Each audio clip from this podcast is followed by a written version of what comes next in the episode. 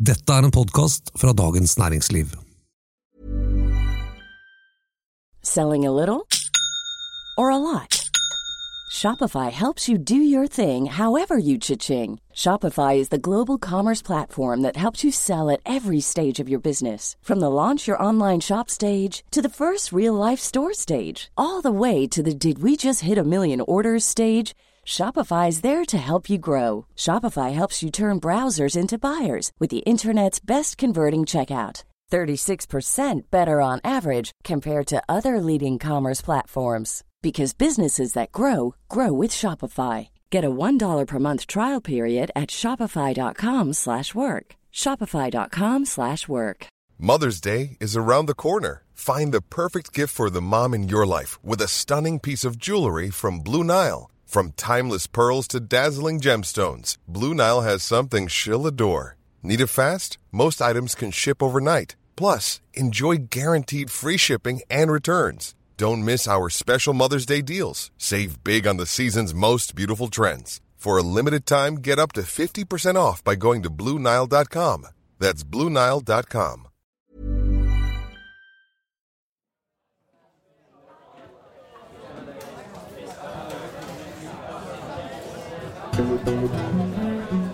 Velkommen til frokost uten filter her fra DN-teltet på Arendalsuka. Eh, Denne morgenen så skal Arbeiderpartilegenden Martin Kolberg fortelle oss om det helt spesielle forholdet mellom LO og Arbeiderpartiet. Men først en som omtales som et politisk talent av de sjeldne, og satte fyr på den norske innvandringsdebatten i sommer. Velkommen til leder i Unge Høyre, Ola Svenneby.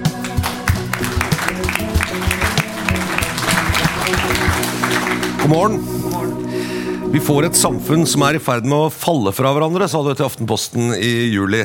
Hvor eh, var det det raknet? Nei, altså den Samfunnet det, ja, det, det er den, det er det sitatet her som har skapt mest blest. Hovedpoenget mitt er at jeg tror egentlig ikke det er så kontroversielt, særlig for venstresiden, som det gjøres til. Det er egentlig bare en annen inngang til det venstresiden har brukt veldig mye tid på å snakke om de to siste årene. Hvor man har snakket om at økonomiske forskjeller det bidrar til at tilliten i samfunnet kan falle fra hverandre. At viljen eller evnen til å opprettholde en velferdsstat blir lavere. Og så var mitt poeng at Hvis vi også har for store kulturelle utenforskap, for store andeler av den norske befolkningen som ikke føler en idémessig eller verdimessig tilknytning til storsamfunnet, så kan det føre til at samfunnet går opp i limingen. I hvert fall samfunnet som vi kjenner det i dag. Og Det er jo egentlig det som Grete Brochmann i to utvalg har pekt på. At høy innvandring over tid med dårlig integrering det er en trussel mot den norske eh, og nordiske modellen. rett og slett. Det er mye som kan true oss i fremtiden, og det, og det er veldig mye å være redd for. Vi skal snakke litt om det, for, at, eh, for dere som eventuelt skal ta over styringen av landet en gang, så er det sikkert mye å bekymre seg for. Men i Oslo, eh, hvor du bor, er det jo en by med høy andel innbyggere med innvandrerbakgrunn, men er jo stort sett en trygg by. Har du sett noe som vi andre ikke har fått med oss? Nei, det tror jeg nok ikke at jeg har. Det eneste som jeg opplevde at uh, var en overraskelse for en del venner av meg rent privat, er at jeg er jo samboer med en mann. Um, var da vi fortalte at det er enkelte områder i Oslo som homofile unngår. Eller hvor man er mer eh, forsiktig med å vise pride-tegn eller holde hender med en av samme kjønn. Som også henger sammen med um, at det er en del innvandrermiljøer hvor man er mer skeptisk til, til seksuelle minoriteter. Og så betyr ikke det at det gjelder alle. Det betyr ikke at, det er det eneste, eh, at de er det eneste i Norge som har problemer med seksuelle minoriteter, men det er kanskje det ene punktet hvor jeg opplevde at folk faktisk ble litt overrasket. At det er en opplevelse som kanskje ikke alle har, men i hvert fall som jeg personlig har. Og så I det samme intervjuet så sa du at du da ville gå inn for at Norge skulle slutte å ta imot eh, Vi skulle ha en stopp i asylsøkere, flyktninger og inn, altså innvandringen til Norge. Eh, Men kommer ikke Norge da til å bryte med helt viktige internasjonale forpliktelser?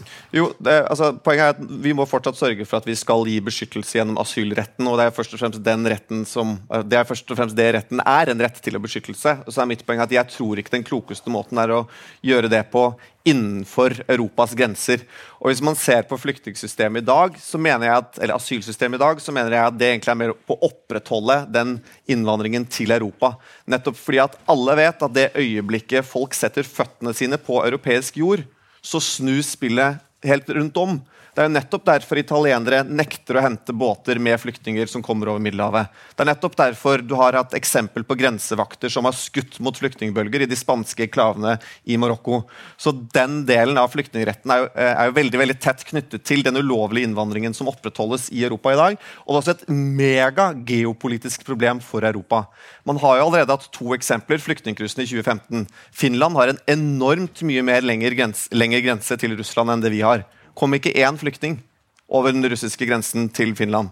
Man så også at Lukasjenko fløy inn flyktninger fra, eh, fra Midtøsten og satte det inn mot grensen mot Polen. Så Europa må rent geopolitisk også ha kontroll på grensene sine. I hvert fall i den tiden vi går inn i nå. Men, men, men det, det, det, det, er greit med altså, flyktningsystemet og da eh, trafficking og, og sant, ulovlig innvandring og menneskesmugling og alt som ligger i, i kjølvannet av dette systemet.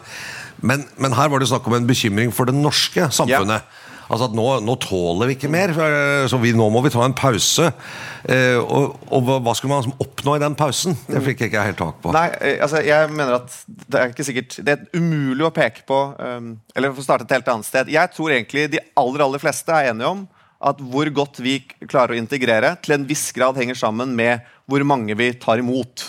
At det på en måte er grunnlaget. Og så er det umulig å peke på at der kommer det mennesket som gjør det vanskeligere å uh, integrere i Norge.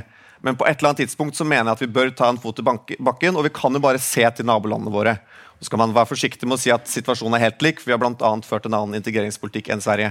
Men vi må jo til enhver pris unngå at vi havner der. Fordi at I det tidspunktet hvor man får en stor andel av den norske befolkningen som ikke føler en økonomisk, verdimessig tilknytning til storsamfunnet, um, så er det vanskelig å snu, tror jeg. Det, vi skal ikke overvurdere hvor store problemene er i Sverige, men vi skal heller ikke undervurdere hvor enorme utfordringer det er for det svenske samfunnet. Hvordan de må skrive om historien sin på nytt. Hvordan de må klare å bygge samfunnet, bygge fellesskap. Uh, og det er veldig vanskelig altså når 10% ikke engang føler seg som en del av det fellesskapet. Og da uh, mener jeg at um, uh, og det er egentlig det som var, var, inngangen min til dette, var at vi må også kunne snakke om at vi må klare å bygge den felles identiteten på tvers av forskjellige bakgrunner i, i, i Norge. Da. Det, er litt sånn på en måte litt rare toner fra en unge Høyre-leder. For jeg har oppfattet at Unge Høyre er ganske sånn liberalt parti. sier Man kan være hvem man vil. Eh, og tanken om at alle skal gå i takt, og alle skal være like, og alle skal på en måte bekjenne seg til en slags sånn norsk modell og en riktig måte å være på, er litt fremmed fra Unge Høyre. Det er kanskje andre partier som har vært litt mer opptatt av sånt? Jeg skjønner hva du uh, mener. Jeg mener bare at uh, i Unge Venstre, da, som ligner på Unge Høyre på noen måter, så mener jeg at forskjellen mellom Unge Venstre og Unge Høyre er at Unge Venstre vil sette seg ned og tenke hva er det liberale å gjøre? Jeg mener ganske innstendig at mitt forslag til en ny innvandringsmodell vil føre til et mer liberalt samfunn at resultatet vil bli uh, ja, et mer liberalt samfunn. Og så er det ikke et snakk om tvang. Det er ikke snakk om at uh, håndhilsetvang for eksempel, er mot det. selvfølgelig. Men jeg tror bare at vi må kunne erkjenne at en del av de liberale frihetene som vi nyter godt av, faktisk handler om en del verdier som vi må sørge for at det er bred enighet om i Norge, uh, for at vi hele tatt skal kunne opprettholde et liberalt samfunn. Da. Selv om kanskje man kan mene at eh, forslagene til politikk nødvendigvis ikke er liberale. Nei, for det så, der fikk du ganske klar motstand, både fra eget parti og, ja. og en del andre. Altså, jeg, dette er et, det er et, eh, Da skal jeg være veldig arrogant. Eh, det er et spørsmål om tid før jeg får rett. Hvis man ser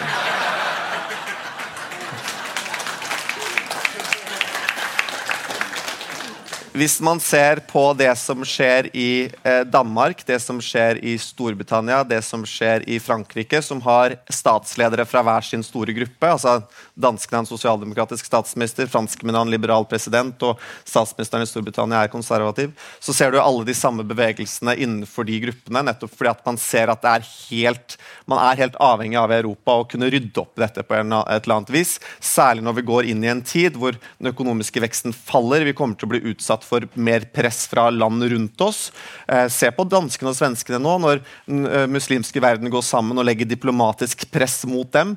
Uh, nettopp fordi at um, Og når da Europa blir svakere, så, så, må vi ha ro i eget hus. liksom. Vi, vi, må kunne stå sammen og stå opp for de verdiene som vi holder kjært. Og da tror jeg det er en forutsetning at blant de temaene som da skaper ekstremt mye splid i Europa, f.eks. innvandrings- og integreringspolitikk, uh, får en slags um, Ikke en, en, en, stopp, men at man blir en enighet, og at man lager en ny modell, og at man klarer å ja, skape fred i Europa. rett og slett. Men det er jo et paradoks her ved at de som vil flykte fra et undertrykkelse, politisk forfølgelse, og ønsker å leve i et vestlig samfunn som er liberalt og fritt og gir muligheter både til å utfolde seg og gjøre karriere, kanskje forsørge seg, ha det godt økonomisk, og dermed sier derfor ønsker jeg å komme f.eks. til Norge eller Danmark eller, eller, Frankrike, for jeg tror jeg kan realisere meg selv. Jeg, jeg vil inn i det samfunnet.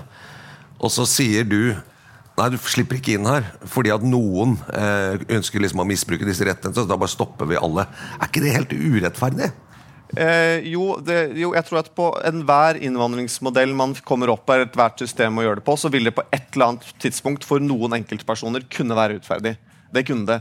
Men dette er ikke et spørsmål om Og spørsmålet ditt bærer litt preg av at man mener at dagens innvandringssystem er veldig bra.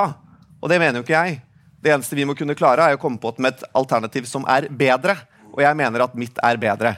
Og så skal vi være et liberalt samfunn som har åpenhet for at folk har andre verdier enn oss, som er grunnleggende forskjellige. Men jeg tror også vi skal ha en erkjennelse av at hvis da, dette er et tenkt eksempel, men hvis man ville fått stadig flere i Norge som nekter å håndhilse på kvinner av religiøse årsaker, si at du hadde fått 10-20 så er det også ganske, så kan man godt forsvare friheten deres til å ikke gjøre det. Men på et eller annet tidspunkt så må vi også ha diskusjon at selvfølgelig vil det gå utover hvordan summen av samfunnet behandler kvinner. Så det der er en ganske krevende debatt, fordi vi kan godt snakke om enkelte personers rett til å kunne utøve den kulturen man vil, men det vil også ha konsekvenser. Det er ikke sånn at Norge har blitt et liberalt samfunn som en naturlov. Det er jo også fordi da, de tingene som er gjort i kulturen vår, i samfunnet vårt, resulterer i et liberalt samfunn. Og det må vi også kunne passe på. Nå er det veldig fristende å spørre deg hva du mener om koranbrenning. Når du har det argumentet der. Det, ja, altså koranbrenning, Den diskusjonen som man har nå, da, hvert fall, når eh, Sverige og Danmark vurderer å innføre forbud, handler ikke om det er hatkriminalitet eller ikke. Det handler om hvordan skal vestlige samfunn møte at denne organisasjonen for muslimske land, som utgjør to milliarder mennesker, hvordan skal vestlige samfunn møte at vi blir utøvd press mot av autoritære regimer når Europa blir mindre viktig, mindre økonomisk og står geopolitisk sett svakere? Dette er karikaturstriden 2.0. Vi strøk første gang. Vi er i ferd med å stryke, stryke denne gangen. Og er det noen som tror at Saudi-Arabia og Iran så fort de har et forbud mot koranbrenning, tenker at ja, men nå er vi ferdige, vi. Dette var det vi ønsket å oppnå. Selvfølgelig er det ikke det. Dette er en lakmustest på hvor eh, villige vi er til å stå opp for det, selv om det kanskje kan koste noe. Men litt sånn prinsipielt så det er sånn liberalt altså, Jeg lærte i hvert fall da, på skolen Vi så bilder av, av hvordan de brant bøker i Berlin på 30-tallet, når Hitler hadde kommet til makten. Uh, og forbød kunst og holdt på. Det er, det er en illiberal ting. Uh, uh, og så sier vi nå nei, det er, det er på en måte liberalt og nesten i tråd, nesten viktig for vestlig samfunn å brenne bøker. Eh, men å nekte håndhilse eller, eller kle seg på bestemte måter, det er noe helt annet. Jeg, jeg klarer ikke helt å forstå forskjellen. Sånn ideologisk sett, da. Jo, jeg, men Hvis man tar håndhilse som et eksempel, så er det ingen som har lyst til å innføre et lovforbud om at du skal skal håndhilse, men jeg mener at det har noe å si hva slags kulturelle normer vi som storsamfunn bestemmer oss for at er ønskelig. På samme måte som at det ikke er ønskelig at vi brenner bøker, bør det heller ikke være ønskelig at vi ikke eh, håndhilser på, på, at vi håndhilser på begge kjønn, og at vi viser respekt for hverandre. Og kanskje nettopp da, i et samfunn som blir mer mangfoldig, så er det kanskje viktig å ha noen fellesskap og noen ting som vi er enige om, hvordan vi møter hverandre osv. Så, videre.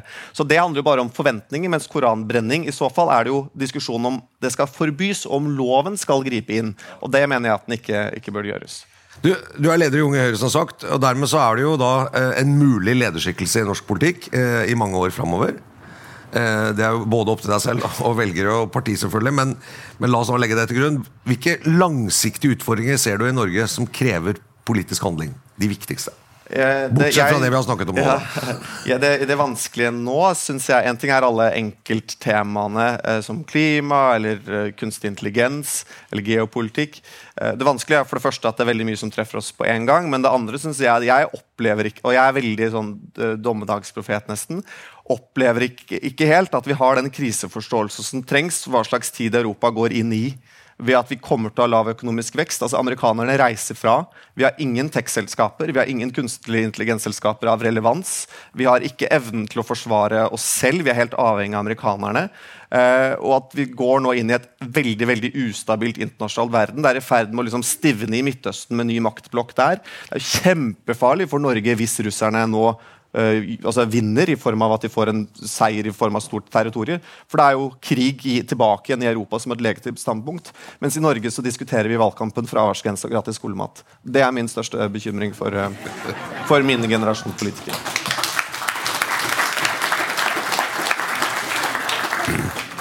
Den norske velferdsstaten den, den, må jo nærmest automatisk de neste tiårene bruke stadig mer penger på grunnleggende ting som pensjoner, helse, omsorg for en stadig eldre befolkning. Er den norske velferdsstaten for raus? Er ordningene for gode til at de lar seg finansiere når en stadig mindre del av befolkningen kommer til å være i arbeid? Jeg synes Det er vanskelig å si at den er for, eh, for eh, raus, men at, for eh, total, at summen er for stor, tror jeg det ikke bør være noe tvil om. Og når vi vet at vi skal finansiere eh, altså Nansen-pakken, Ukraina, vi skal ha økte forsvarsutgifter, vi skal ha eh, økte kostnader knyttet til helse, i tillegg til at vi kommer til antageligvis i fjor kommer til å være toppåret for antall nordmenn som er i arbeid noensinne.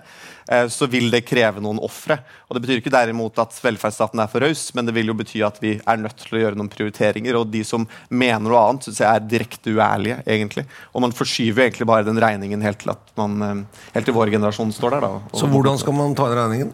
Altså for det første så må, Du kan jo gjøre noe på den Det er jo fort å gå liksom rett på kutt og snakke om nei, kutt i sykelønn. Det kan godt hende at vi skal se på det, men det første handler om ok, klarer vi å utnytte de ressursene vi har, godt nok. Det er veldig mange unge som står utenfor arbeid, og en stadig økende andel som står utenfor arbeid, eh, er der fordi at de har diverse utfordringer med sin psykiske helse.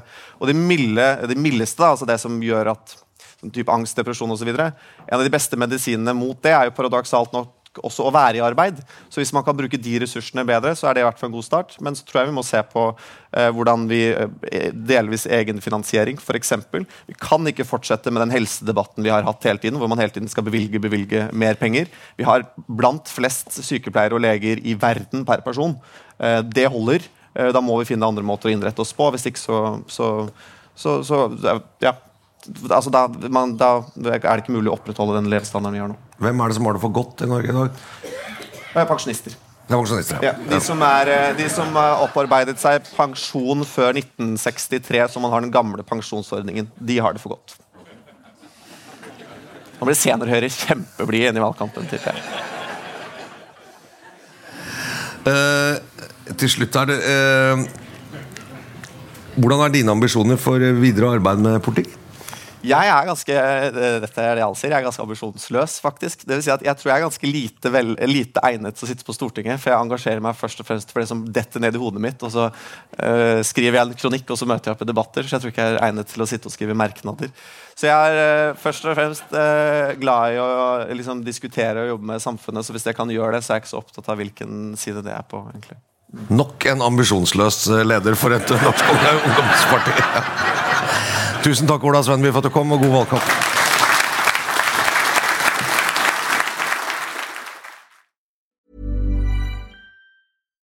One size fits all seems like a good idea for clothes until you try them on. Same goes for healthcare. That's why United Healthcare offers flexible, budget friendly coverage for medical, vision, dental, and more. Learn more at uh1.com. It's that time of the year. Your vacation is coming up. You can already hear the beach waves, feel the warm breeze, relax, and think about work. You really, really want it all to work out while you're away. Monday.com gives you and the team that peace of mind. When all work is on one platform and everyone's in sync, things just flow wherever you are. Tap the banner to go to Monday.com. There's never been a faster or easier way to start your weight loss journey than with PlushCare. PlushCare accepts most insurance plans and gives you online access to board-certified physicians who can prescribe FDA-approved weight loss medications like Wigovi and Zepbound for those who qualify. Take charge of your health and speak with a board-certified physician about a weight loss plan that's right for you. Get started today at plushcare.com slash weight loss. That's plushcare.com slash weight loss. plushcare.com slash weightloss.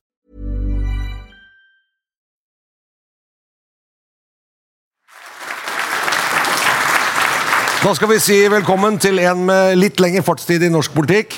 Han har vært rådgiver, statssekretær, kontorsjef, eh, partisekretær og stortingsrepresentant, og sikkert mange andre ting også. Alt for Arbeiderpartiet, selvfølgelig. God morgen, Martin Kolberg. La meg klappe for Martin nå, ja. Velkommen. Takk for det. Tusen takk. Du, Vi skal snakke om det helt spesielle forholdet mellom LO og Arbeiderpartiet i et historisk perspektiv.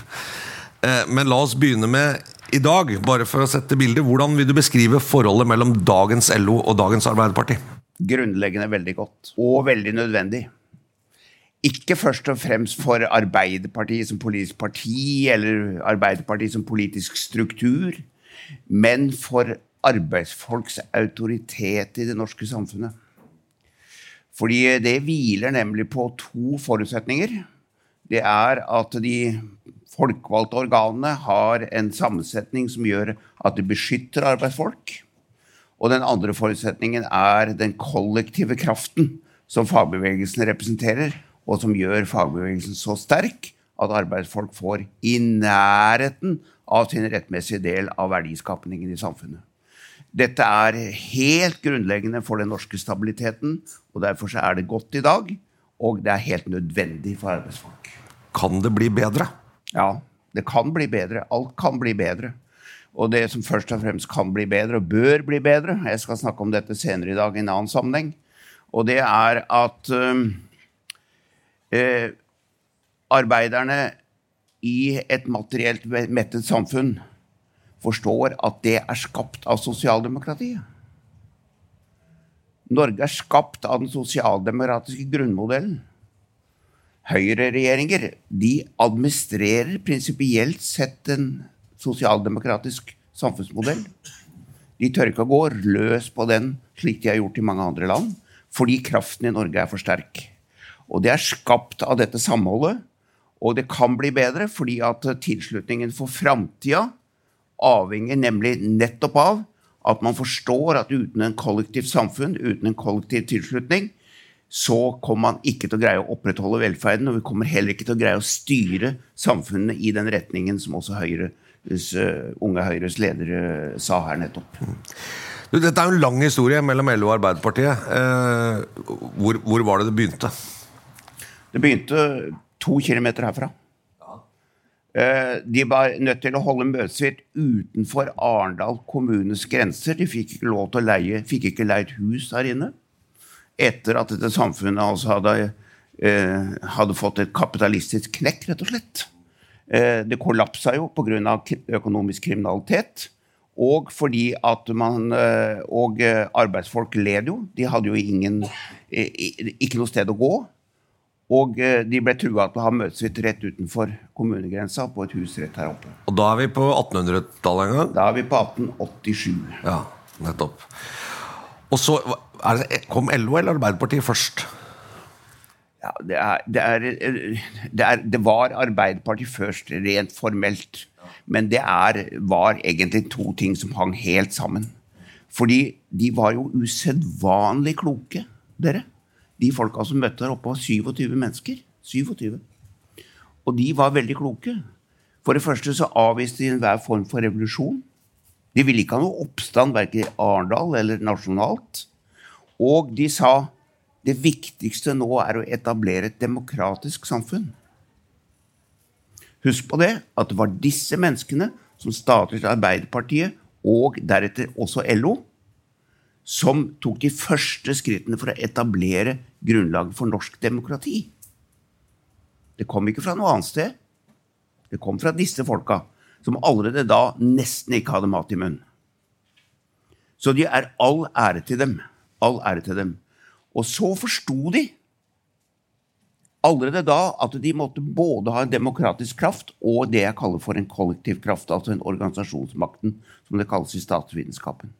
Og kombinasjonen av de to tingene har da båret fram norsk sosialdemokratisk samfunnsutvikling gjennom mange kamper opp mot den politiske kapitalen, opp mot høyrepartiene. Det finnes masse eksempler, men som altså stolt, stolt har skapt det norske samfunnet.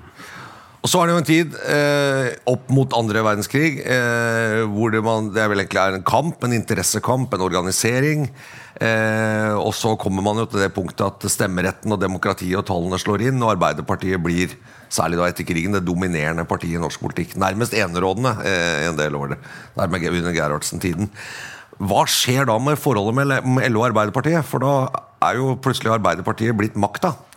Og LO er jo fortsatt en organisasjon eh, som skal ivareta rettigheter. Eller nei. Eh, Einar Gerhardsen hadde aldri kontroll på Konrad Nordahl. Kan jeg få si dere. Altså Konrad Nordahl var jo LO-leder i, i, den perioden som Fridtjof refererer til her. Og eh, det var naturlig nok, og bra, et spenningsforhold mellom parti og fagbevegelse. Så, I så måte så holdt de hverandre litt i sjakk, men på en annen side så samarbeider de om det vesentlige. Og det vi har klart eh, opp til denne dag og for framtida, det er jo nemlig å holde fokus på hva som er oppgaven, som jeg allerede har sagt, nemlig ivareta noe som Noe som er øh, Noe som jeg legger merke til. Jeg holder masse foredrag. Masse. Ikke heller fagorganiserte har nok oppmerksomhet rundt. Og som jeg har lyst til å si her i denne veldig kvalifiserte forsamling, som det åpenbart er Hva er grunnlaget for at lønnstakere i Norge skal få det bra? Det er verdien av deres arbeidskraft. De har ikke noe annen kapital å komme med, de som er lønnstakere i Norge, enn at de må få betalt på en rimelig, ordentlig måte. Og det er en evig samfunnskamp. Vi ser det. Vi så det nå ved siste streika. I våre tid. Hvordan, det, hvordan polene står mot hverandre. Og hvis ikke fagbevegelsen er sterk nok, og hvis ikke trepartssamarbeidet er sterkt nok, så vil Norge bli et helt annet samfunn. Og det blir ikke et bedre samfunn. Det blir et liberalistisk samfunn. Og det jeg håper å si verste med det, Fridtjof Og nå, nå, tillater jeg meg å si at jeg er litt gammel traver. sant? 75 år om et par måneder og vært med i 60 år. Hør. Det som forundrer meg, det er at de som representerer kapitalen, ikke forstår ordentlig at uten dette stabile samfunnet så vil verdien av deres kapital gå ned. Fordi samfunnet vil bli ustabilt. Og det er det som jo har gjort at Norge har en så høy verdiskapning. Altså, Ved siden av at det er et sosialdemokratisk samfunn, så har vi jo akseptert at det er et vellykket kapitalistisk samfunn.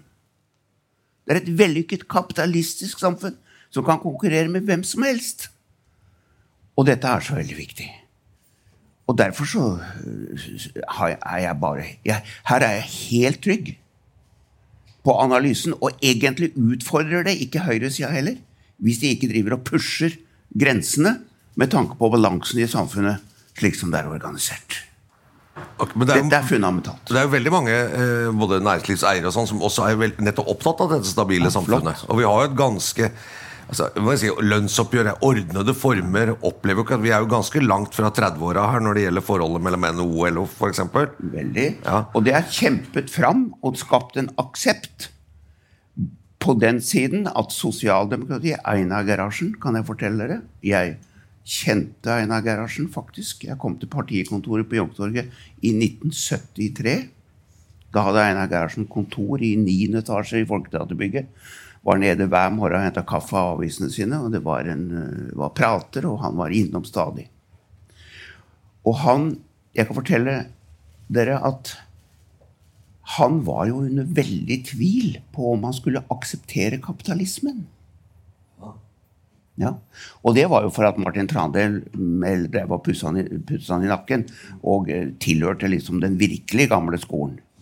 Men han tok jo to kloke valg. Det ene var ja til marked og kapitalisme. Ja til Nato. To grunnleggende beslutninger.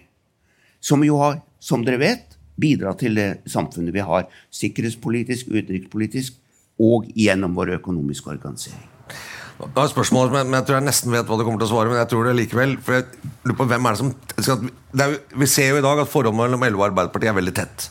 Både formelt. LO har lederen i valgkomiteen. LO har representanter i sentralstyret. Eh, LOs ledelse eh, har meninger om hvem som skal sitte i regjering. Nå så jeg det var utnevnt en ny statssekretær hvor LO-lederen går ut og sier dette er en god utnevnelse. ikke sant, og så videre, og så videre. Det er ganske tett samarbeid. Er det ikke fint? Eh, no, ja. Er det ikke fint? Ja, det får jo folk bestemme selv.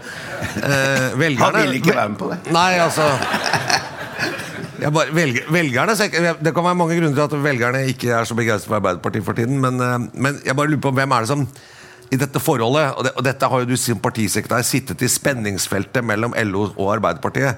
og Dette er jo folk, mektige folk. Hvem er det som tjener mest på det? Hvem Er det som føler, er det, er det en kamp om å få mest mulig ut av det?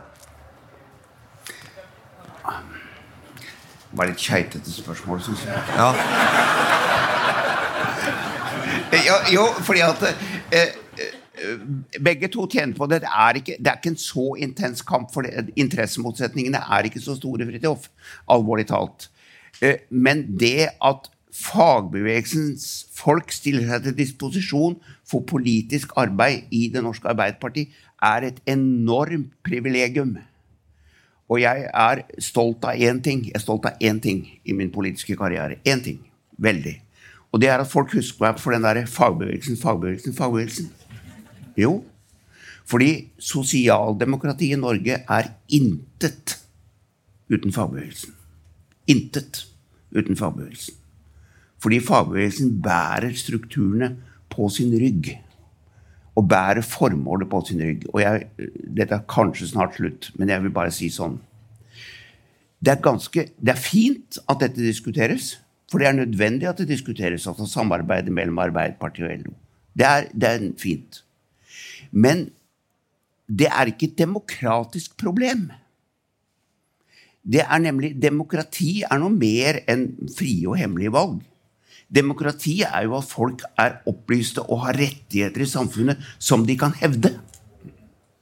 Og det finnes ingen i dette rommet, ingen noe annet sted heller, som skal prøve å fortelle meg eller innbille meg at arbeidsfolks rettigheter ville blitt ivaretatt hvis ikke arbeidsfolk passa på seg sjøl.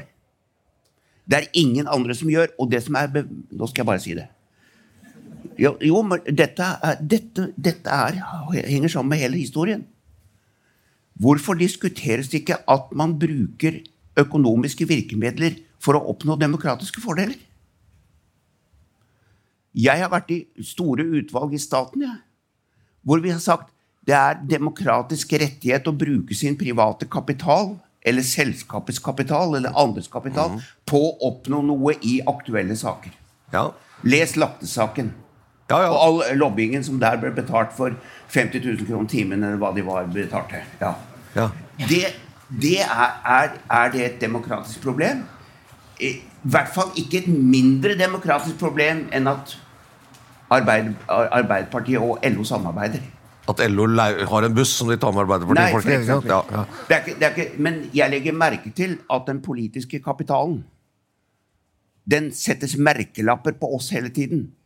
Og eh, Fremskrittspartiet kaller dette for politisk korrupsjon, mens de ikke har noen betenkeligheter med at enkeltpersoner eller firmaer bruker millioner av kroner på politiske hensikter for personlig vinnings skyld.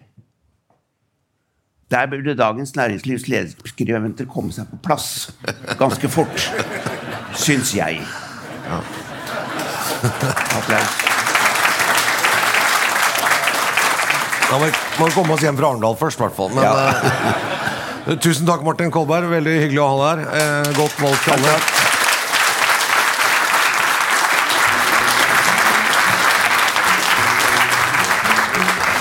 Det var dagens eh, frokost uten filter her fra DN-teltet i Arendal. Men det er masse program utover dagen. Mye spennende, så følg med. Og i morgen er det en eh, ny frokost da med Venstre-leder Guri Melby og byrådsleder i Oslo Raymond Johansen. Vi ses da.